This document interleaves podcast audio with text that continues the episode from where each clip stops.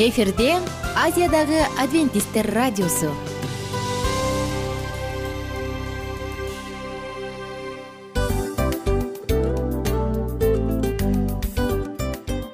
Достор салют. Баардык сүйүктүү угармандарыбызга салам айтабыз. Кутман күнүңүздөр менен. Ден соолук өмүрдүн булагы демекчи саламат саамы программасында баарыңыздарды көргөнүбүзгө абдан кубанычтабыз. Анда алгач амандашып өтөлү арбаңыздар деп. Ден соолугуңуздар кандай элибизде көбүнчө ден соолук кандай дегенде эле жакшы деп жооп беребиз э? ооруп турсак дагы жакшы дейбиз. Анан мен муну айтып ойлойт элем бул абдан сонун сөз депчи анткени бул жакшы деген үмүт да э ооба баары жакшы болот баары сонун. Деп үмүттөнүп атып эле өзүбүздү өзүбүз дарылап коебуз. Анысы кандай? Сиздин дагы ден соолугуңуз жакшы беш деген үмүттөбүз чындыгында ден соолук бул өмүрдүн булагы деп бекеринен айтылган эмес деп ойлойм. Кыргыз элинде анткени эгерде ден соолук жок болсо анда адамдын жашоосунда калган баардык керектүү маңыздуу нерселер өзүнүн баалуулугун жоготуп коет. Ошондуктан ден соолук бул эң керектүү нерсе. Ооба туура айтасың кесиптешим. Чынында ден соолугуң жок бир эки үч күн ооруп калсаң эле э кандай болуп калат? Жашоодо көз каранды болуп каласың көп нерсеге жетишпей каласың көп нерсени кыла албай каласың жада калса эшикке дүкөнгө да чыга албай каласың. Туптуура анан ден соолук болсо демек биз биздин бактыбыз тотой деп койсок болот. Анда достор саламат саамы рубрикабызды баштайлы алдыда өзүңүзгө керектүү болгон сонун кеңештерди уга аласыздар. Мына ошондуктан биз менен бирге болуңуздар. Ал эми биз болсо милан жана айнура. Кеттик алга. Алга саламат саама ден соолуктун жарчысы. Саламат саама ден соолуктун ачкычы. Күн сайын сиз үчүн мыкты кеңештер сонун жаңылыктар кызыктуу фактылар биздин рубрикада.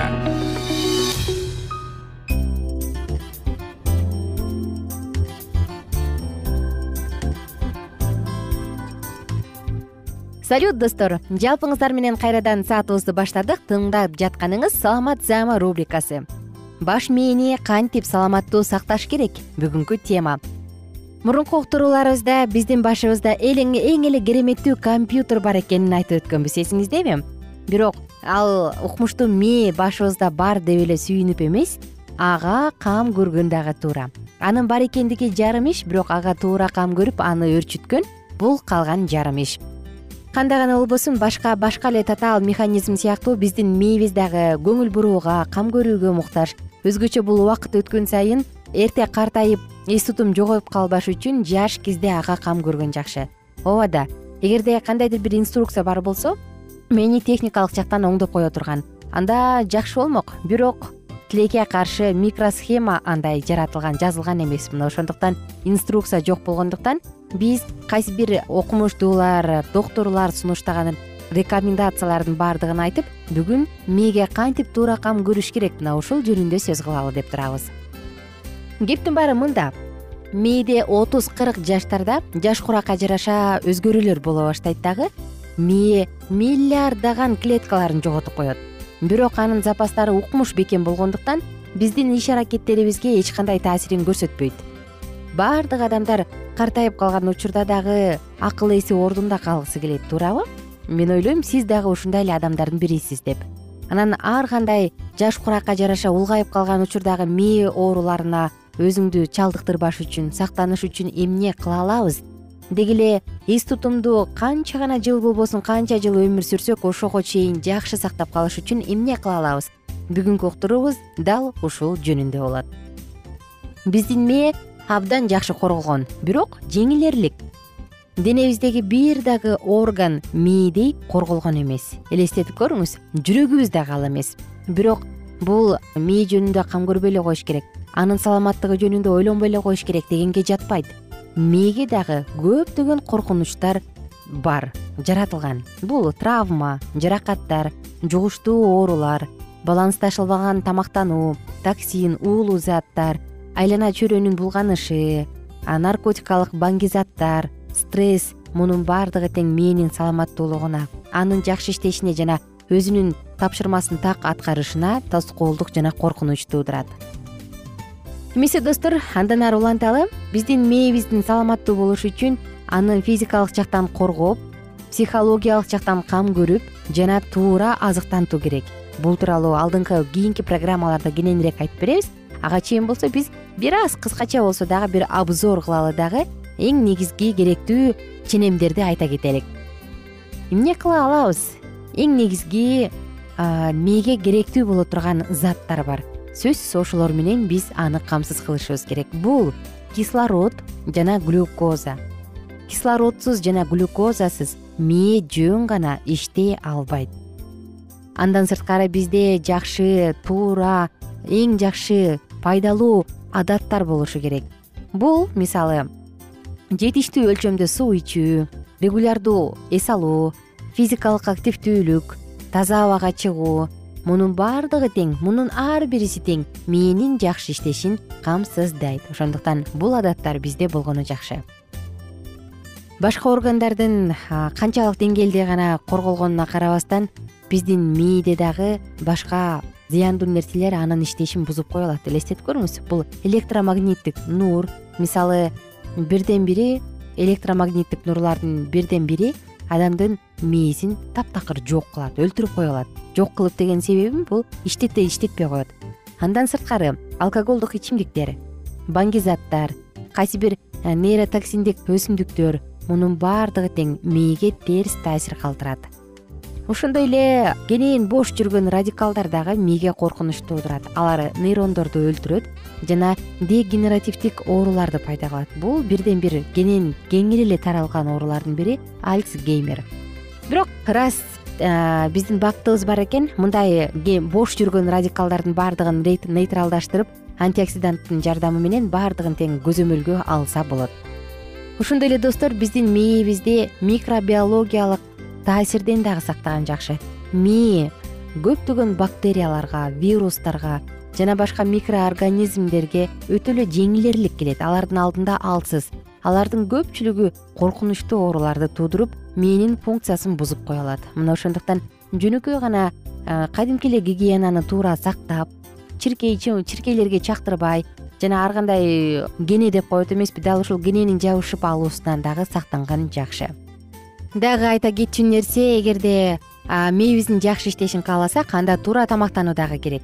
Кайсы бир азыктар кайсы бир азык түлүктөр жана дары өсүмдүктөрү нейропротективдик касиетке ээ демек алар мээнин нейрондорунун абалын жакшы абалда сактаганга жардам берет. Достор кызык бирок психологиялык жана руханий кам көрүү дагы мээнин жакшы иштешин жакшыртат. Мына ошондуктан сүйүңүз жана сүйүктүү болуңуз анын баардыгы баш мээбиздин туура иштешине эң туура таасирин тийгизет.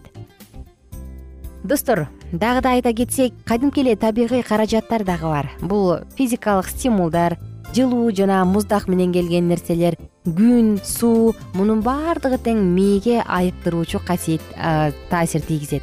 Таң калыштуу бирок бул чындык биз болсо көп учурда жаман коркунучтуу симптомдордун баардыгын айырмалаганды билебиз жана билишибиз керек. Эгерде сизде кандайдыр бир симптом байкала турган болсо шашылыш түрдө шашылыш түрдө доктурга кайрылыңыз. Кандай симптомдор десеңиз бул жөнүндө биз кийинки уктуруубузда айтып беребиз мына ошондуктан биз менен бирге болуңуздар. Чын эле баягы кырк жаштан ашып калган адамдар ай мээм кургап баратат окшойт жакшы эстей албай калдым унутчаак болуп баратат окшойм дегендерин көп угабыз э? Балким эмне тамак жеп атасыз ага көңүл буруп көрүңүз. Күнүнө канча стакан суу ичип атасыз? Таза суу кофе чай эмес таза суу. Канча ичип жатасыз? Канча жолу таза абага чыгып атасыз? Канча жолу жөө басып атасыз? Мунун баардыгын тең бир сыйра көзөмөлдөп коюңуз анткени бул сиздин мээңиздин иштешине түздөн түз таасир этет. Достор кийинки уктурууларыбызда темабызды улантабыз. Биз менен бирге болуңуздар. Күнүңүздөр көңүлдүү улансын саламат саама ден соолуктун жарчысы. Саламат саама ден соолуктун ачкычы. Күн сайын сиз үчүн мыкты кеңештер сонун жаңылыктар кызыктуу фактылар биздин рубрикада. Салют замандаштар баарыңыздарга ысык салам. Дил маек программабызга кош келиңиздер. Дил маек рубрикасы дегенде эле бул эмне болгон дил маек ким менен маектешебиз деп сурайт болуш керек угармандарыбыз бул рубриканы кыскача тааныштыра кете турган болсок ар тарап кесип ээлеринен болгон сонун интервью кеңештер бар. Ооба. жылдыздар менен болгон маек бар. Аталарыбыздын агаларыбыздын чоң аталарыбыздан сонун кеңештер бар. Ошондой эле эже сиңдилердин кеңештери бар. Айтор баардык кызыктардын баары алдыда. Негизи эле адам баласы бир кимдир бирөөнө ишенип сырын ачкысы келет эмеспи э мындай баарлашууга жакын келебиз го. Албетте негизи бир жерге отуруп алып кенен шашпай баягы жүрөктөн жүрөккө ачып сырларыбызды ар кандай көйгөйлөрүбүз менен бөлүшүп баягы чын жүрөктөн маек курганды кимибиз сүйбөйбүз э? Ооба десең ал нерсеге суусап да келебиз да. Ооба кээ бирде адамга чындыгында баягы э, ысык маек баягы жылуу маек жетишпейт да. Ошондуктан биз ушул рубриканы ойлоп тапканыбызда эң биринчи эле достор сиздер менен чын жүрөктөн бир маңыздуу темаларды козгоп кеткени кааладык. Ошондуктан ушундай сонун бир рубриканы тартуулап жатабыз. Анын үстүнө радио дагы сонун дос да анткени э, мындай учурда досуңа айтсаң досуң досуна айтат досу досуна айтат да анан бүт өлкө билип калышы мүмкүн го радио болсо сени сатпаган сенин айыбыңды ачпаган. Сенин сырыңды эч кимге айтпаган сонун досуң ошондуктан биздин алдыдагы айта турган кеңештерибизди биздин досторубуздун кеңештерин угуп анан ал жака пикириңизди дагы калтырып кайрадан биз менен байланышсаңыздар болот. Деги эле жашооңузга эгерде кичине болсо дагы өзгөрүү алып моралдык жактан моралдык жактан сонун бир кеңештерди алсаңыз демек биз максатыбызга жеттик. Ооба. Чыңгыз атабыз улуу жазуучу э, чыңгыз айтматов айткандай адам болуу бул күнүмдүк процесс экен. Күн сайын адам бойдон калуу бул адамзатка эң эле кыйын дейт э? э эң кыйын дейт. Чындыгында бунун э, негизинде адамдын эң баягы сапаттуулугу адамдын э, адамгерчилиги жана көптөгөн керектүү нерселер. Мына ошол темалар дагы бизде ушул дил маекте биз аларды да козгойбуз. Ден соолук жөнүндө да сүйлөшөбүз. Сөзсүз түрдө анан милан мырза негизи айтып коюшат го. Биз көбүнчө эмнени ойлонсок? Ошол нерсеге карата иш кылабыз го. Ооба. Анан анысы кандай? Балким бул радио баракчада кимдир бирөөнүн оюн текшергенге жардам берет кимдир бирөөнүн жүрөгүн текшергенге жардам берет. Балким кимдир бирөөгө жашоонун маңызын тапканга жардам берер. Айтор кызыктын баары алдыда бул жөн гана кыскача жарнама анда угармандарыбыздын баардыгын кийинки рубрикабызга чакырабыз. Ал эми кызматта маңдайымда отурган кесиптешим милан жана мен айнура. Анда эмесе биз даярдаган терең терең ойлор менен таанышууга кеттик. Алыс алыс баралык.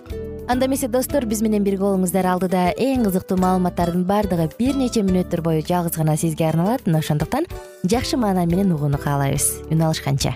Жөнөдүк. Ар түрдүү ардактуу кесип ээлеринен алтын сөздөр жүрөк ачышкан сыр чачышкан сонун маек дил маек рубрикасында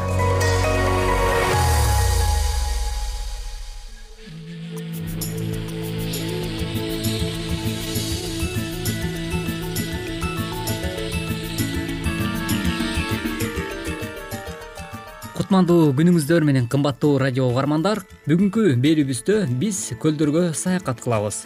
Бул соң көл менен чатыр көл жана ошондой эле башка көлдөр туурасында дагы сөз кылмакчыбыз. Андыктан бул мүнөттөрдө биздин толкундан алыстабай биз менен биргеликте кала бериңиздер. Соң көл тоосу ички теңир тоодо жумгал жана соң көл өрөөнүндө болот соң көл ички теңир тоонун бийик тоолорунун арасында деңиз деңгээлинен үч миң метрден ашык бийиктикте жайгашкан. Жаратылышы эң эле кооз көзгө көркөмдүү көлдөрдүн бири. Анын жаратылышын жарашыктуу көркүнө чыгарып көлдү айландыра курчаган тоо кыркалары жылга жыбыттарынан агып түшкөн мөлтүр тунук кашка суулары тоолордун асман тиреген аскалуу чокулары курчайт соң көлгө арт тарабынан жыйырмадан ашуун агын суулар куюп анын деңгээлин төмөндөтпөйт. Ал эми ак таш таш төбө кара кеченин тынымсыз куйган шаар суулары кышкысында көп тоңо бербейт. Соң көлдүн узундугу жыйырма тогуз туурасы он жети километр созулуп эки жүз токсон эки чарчы километр болгон көлдүн аймагын түзөт. Көлдүн тереңдиги ар түрдүчө чыгыш тарабы он он беш метр болсо батыш тарабындагы тереңдиги жыйырма эки метрге чейин жетет. Көгөргөн көлдүн айланасына ар түрдүү чөптөр өсүп кызыл тазыл гүлдөр менен саймаланып эң эле кооз кээ бир жээктен эшилген майда кызыл кумдуу пляждарды учуратууга болот. Ошондой эле жээктериндеги беттегели тоо чөптөрү жабынып төрт түлүк малдын берекелүү мекени соң көлдө сууда сүзүүчү жана сас канаттуулардын алтымыш алты түрү жашагандыгы далилденди. Алардын жыйырма тогуз түрү көл жээктериндеги өрөөндөрдө уялашып балапандарын чыгара тургандыгы ал эми отуз жети түрү болсо күзгү жана жазкы келгин канаттуулар экендиги байкалды. Соң көлдүн үстүндө өрдөк каздар ак чардактар сүзүшсө көлдөгү канаттуулардын ар түрдүү жоготуулардан коргоп көбөйүшүнө толук шарттарды түзүү үчүн мамлекет тарабынан корук алынган. Мындан сырткары дагы кыргызстаныбыздын эң эле ажайып көлдөрүнүн катарына ээлеген чатыр көл туурасында дагы айтып кетпесек болбос. Ат башы жана торук арт тоо кыркаларынын ортосунда жайгашкан. Асман көлү чатыр көлгө болжол менен он жети дарыя куят. Бирок көлдүн өзүнөн суу агып чыкпайт көл балыксыз деп эсептелингени менен балыктар бар. Балыктын аздыгына карабастан көл бир нече жапайы жана сейрек кездешкен келгин куштардын мисалы кызыл китепке киргизилген индия тоо каздарынын байырлаган жери болуп келет. Көлдүн жээктери тянь шандын көк карагайынан түркистан арчасынан чычырканактан чеккендиден. Жана башка дары чөптөрдөн турган укмуштуудай реликтик токойлор менен курчалган. Токойдо жана тоонун өзүндө илбирстен түлкүдөн жана карышкырдан тартып ар кандай кызыл суурга чейин ар кандай жаныбарлар байырлайт мына эми назарыңыздарда кыргызстандын эң чоң дүйнө боюнча эң терең жана ири көлү бул ысык көл. Ысык көл өзүнүн бир учурда эле деңиз жана башка бийик тоолуу климаты менен уникалдуу болгон аймак. Бул өзгөчөлүк спортчулардын машыгуусу үчүн мыкты мүмкүнчүлүктөрдү түзүп келүүдө. Ошондой эле мекенибиздин аймагында дагы кереметтүү көлдөрдүн катарына ээлеген бул чоң таш көлү дагы жайгашкан чоң таш көлү жумгал кырка тоосунун түштүк капталында жайгашкан көл. Көлмө суусунун өрөөнүндө деңиз деңгээлинин бийиктиги эки миң беш жүз токсон метр узундугу сегиз жүз метр эң жазы жери үч жүз сексен метр. Көл чанагы байыркы мөңгүнүн марианалары суунун өрөөнүн бөгөт калышынан пайда болгон. Көлгө көлмө суусу куюлат көл бөгөтү калың бадал менен капталган. Байыркы зор этек мареналары элестетет. Марена жалчасынын эни төрт жүз беш жүз метр келип көлдүн деңгээлине кырк элүү метр көтөрүп жатат. Бөгөттүн сол жак капталындагы жыраң аркылуу суу чыгат. Көл суусу тосмонун арасында сарыгып агат акыркы жылдары көлдүн деңгээли бөксөрүүдө мындан сырткары дагы айтылуу талас областына караштуу муз төр көлү дагы орун алган. Муз төр көлү талас ала тоосунун түштүк чыгыш капталында ит агар суусунун алабында жайгашкан. Ал деңиз деңгээлинен үч миң он метр бийиктикте тепши сымал түрдүү таманын ээлеп жатат. Узундугу алты жүз элүү метр эң жазы жери төрт жүз элүү метр эң терең жери жыйырма үч метр түндүк батыш тарабындагы марена жаалчасы көлдү бөгөп турат. Көлдүн түсү чаңгыл жашыл келип тунуктугу бир метрден ашык орточо бөлүгү. Кар жана мөңгү сууларынан толукталат. Жээги тик таштуу түндүк чыгыш бөлүгүнөн бөгөтү жиреп суу агып чыгат муз төр көлүнөн эки жүз метр жогору деңиз деңгээлинен үч миң үч жүз он беш метр. Бийиктикте дагы бир чакан көл бар. Анын узундугу эки жүз сексен сегиз метр. Эң жазы жери жүз алтымыш метр. Көлдүн босого аркылуу агып чыккан суу бийиктиги алтымыш метр келген граниттүү кашаттан агып түшүп кооз шаркыратманы пайда кылат. Мындан сырткары дагы кыргызстан аймагында кара суу көлү дагы орун алган кара суу көлү көк ирим тоосунун башында кең көл түштүгүнөн менен такталык түндүгүнөн тоолорунун аралыгында деңиз деңгээлинен бир миң тогуз жүз токсон сегиз метр бийиктикте жайгашкан. Кара суунун нарын дарыясынын сол куймасынын башында токтогул районунун аймагында. Аянты төрттөн ашык километр квадрат эң терең жери жүз элүү үч метр. Көлгө он өзөн куят негизинен жогору жагындагы капка таш көлүнөн ашып чыгат. Андан башталган суу бөгөт аркылуу эки жүз сексен үч жүз метр төмөн жагынан сарыгып агып чыккандыктан көлдүн деңгээли жыйырма жыйырма беш метрге чейин өзгөрүп турат мына ошентип кымбаттуу угармандарыбыз бүгүнкү уктуруубузда сиздер э, дал ушул кыргызстан мекенибизде орун алган ири көлдөр туурасында маалыматка ээ боло алдыңыздар. Демек кыргызстан менен ар бир кыргыз атуулуу бүгүнкү күндө ушундай кереметтүү ажайып жерлерибиз менен ар бир кыргыз баласы сыймыктанат болуш керек. Ал эми бизге бөлүнгөн убакыт дагы ушуну менен өз соңуна келип жетти. Кийинки берүүдөн биз сиздер менен дал ушул аба толкундан үн алышканча сак саламатта болуңуз ар түрдүү ардактуу кесип ээлеринен. Алтын сөздөр жүрөк ачышкан сыр чачышкан сонун маек. Дил маек рубрикасында.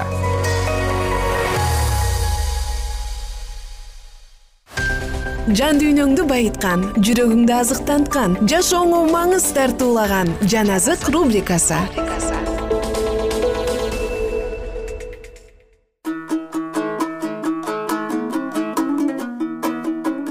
кадырман замандаштар жана кадырлуу угармандар. Жалпыңыздарга салам айтып кайрадан улуу күрөш китебин улантабыз. Ар бир адам же өз өмүрүн куткарат же өз өмүрүн жоготот. Биздин ар бирибиздин өмүрүбүз кудай алдында таразалуу. Ар бир адам улуу соттоочу менен бетме бет кездешүүсү зарыл ошондуктан адам асмандагы китептердеги териштирилип жаткан соттун каардуу минуталарын оюнан чыгарбастан даниил пайгамбар менен бирдикте өз энчисин алуусу зарылдыгын билүүсү керек. Ушул улуу чындыктар жөнүндөгү жарыкты ким кабыл алган болсо кудай ишенип тапшырган нерселерди башкалар менен бөлүшүүсү керектүү.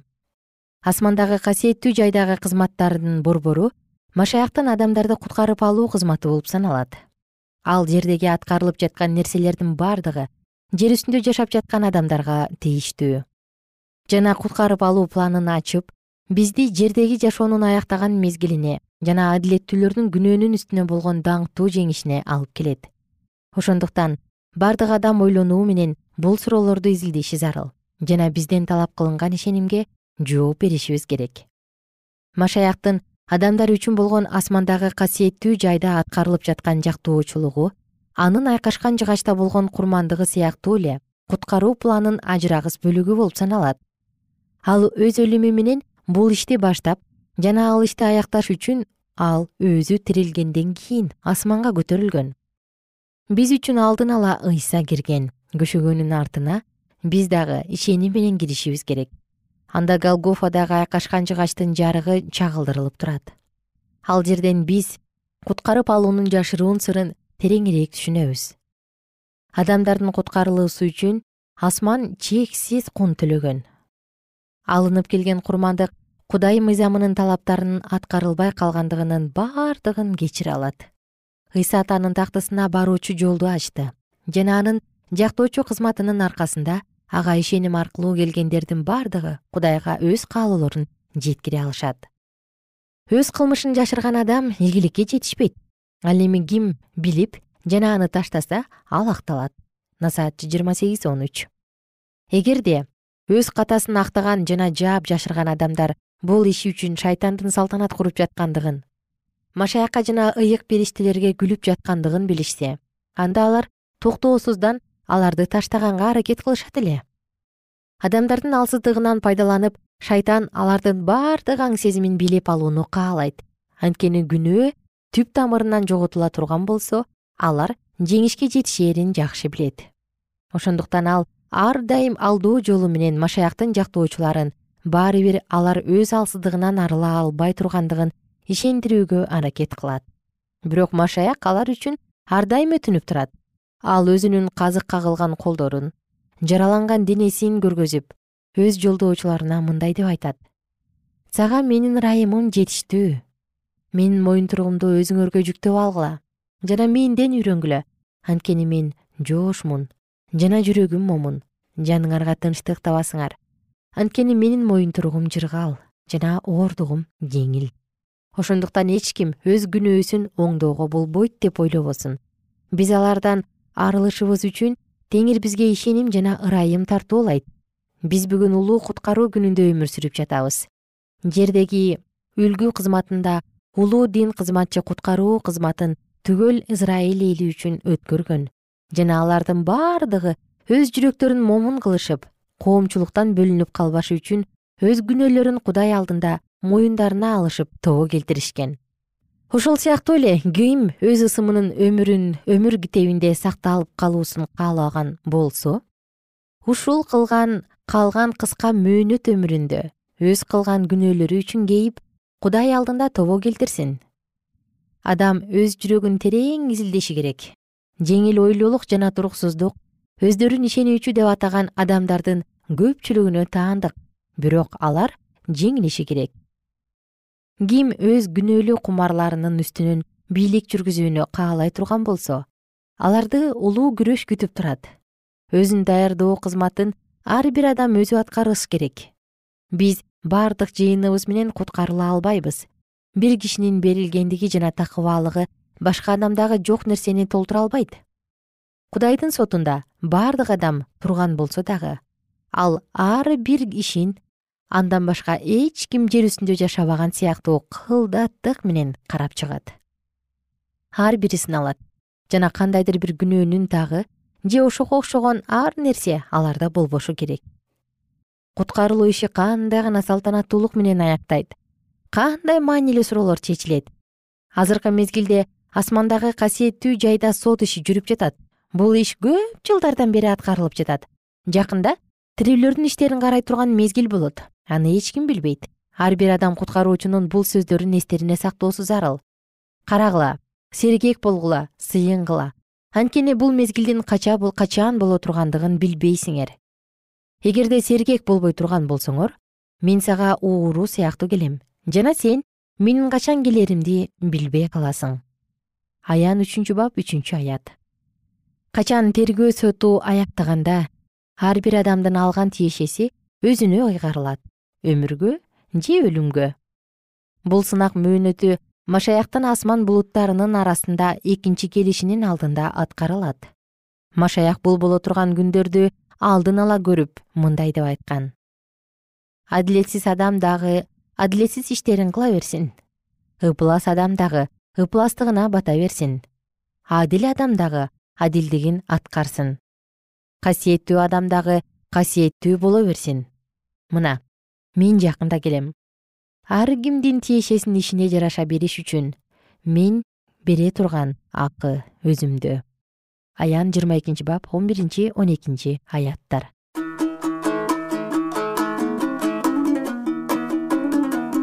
Кымбаттуу угарман ардактуу досум сиздер менен бүгүн дагы жашообузга чоң пайда алып келе турган сонун үзүндү окуп өттүк. Кийинки уктурууда улуу күрөш китебин мындан ары улантабыз. Биз менен бирге болуңуздар. Күнүңүздөр көңүлдүү улансын. Жүрөгүңүздөн дайым улуу кудайдын тынчтыгы орун алсын. Кайрадан амандашканча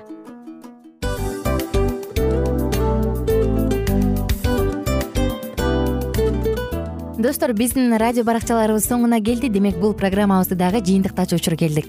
Учурга келдик. Анан кесиптешимден сурагым келип турат. Негизи эле иштин башталып атканы кубандырабы сени же жыйынтыгы кубандырабы? Албетте жыйынтыгы. Себеп дегенде сен кылган ишиңдин жыйынтыгын көрүп э, баягы мөмөсүн көрүп дегендей жыргайсың жүрөгүң жемишинен тартып э? Кандай даамдуу деп. Баягы буудай сепкенде эмес буудай эгинди жыйнагандан кийин ысык нанды жегенде кадимкидей ырахаттанасың го ой айтпа туура айта кеттиңиз. Сонун салыштыруу болду анан мен дагы абдан кубанып турам анткени биз угармандарыбыз үчүн аябай эмгектенип келген уктуруубуздун соңуна келип калдык. Анан эми э, уктуруубуздун соңунда угармандар кандай пайда алып калды экен деп күтүп турам да. Балким э, менин жашоомо өзгөрүү киргизе турган сонун сөздөр болду.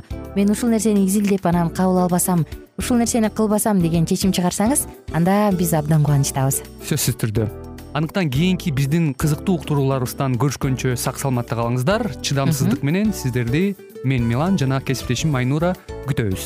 Баардык угармандарыбызга ийгиликтүү күн каалайбыз. Качан гана болбосун уртуңуздан жылмаюу кетпесин үйүңүздө көмүр жүрөгүңүздө көңүл болсун дейли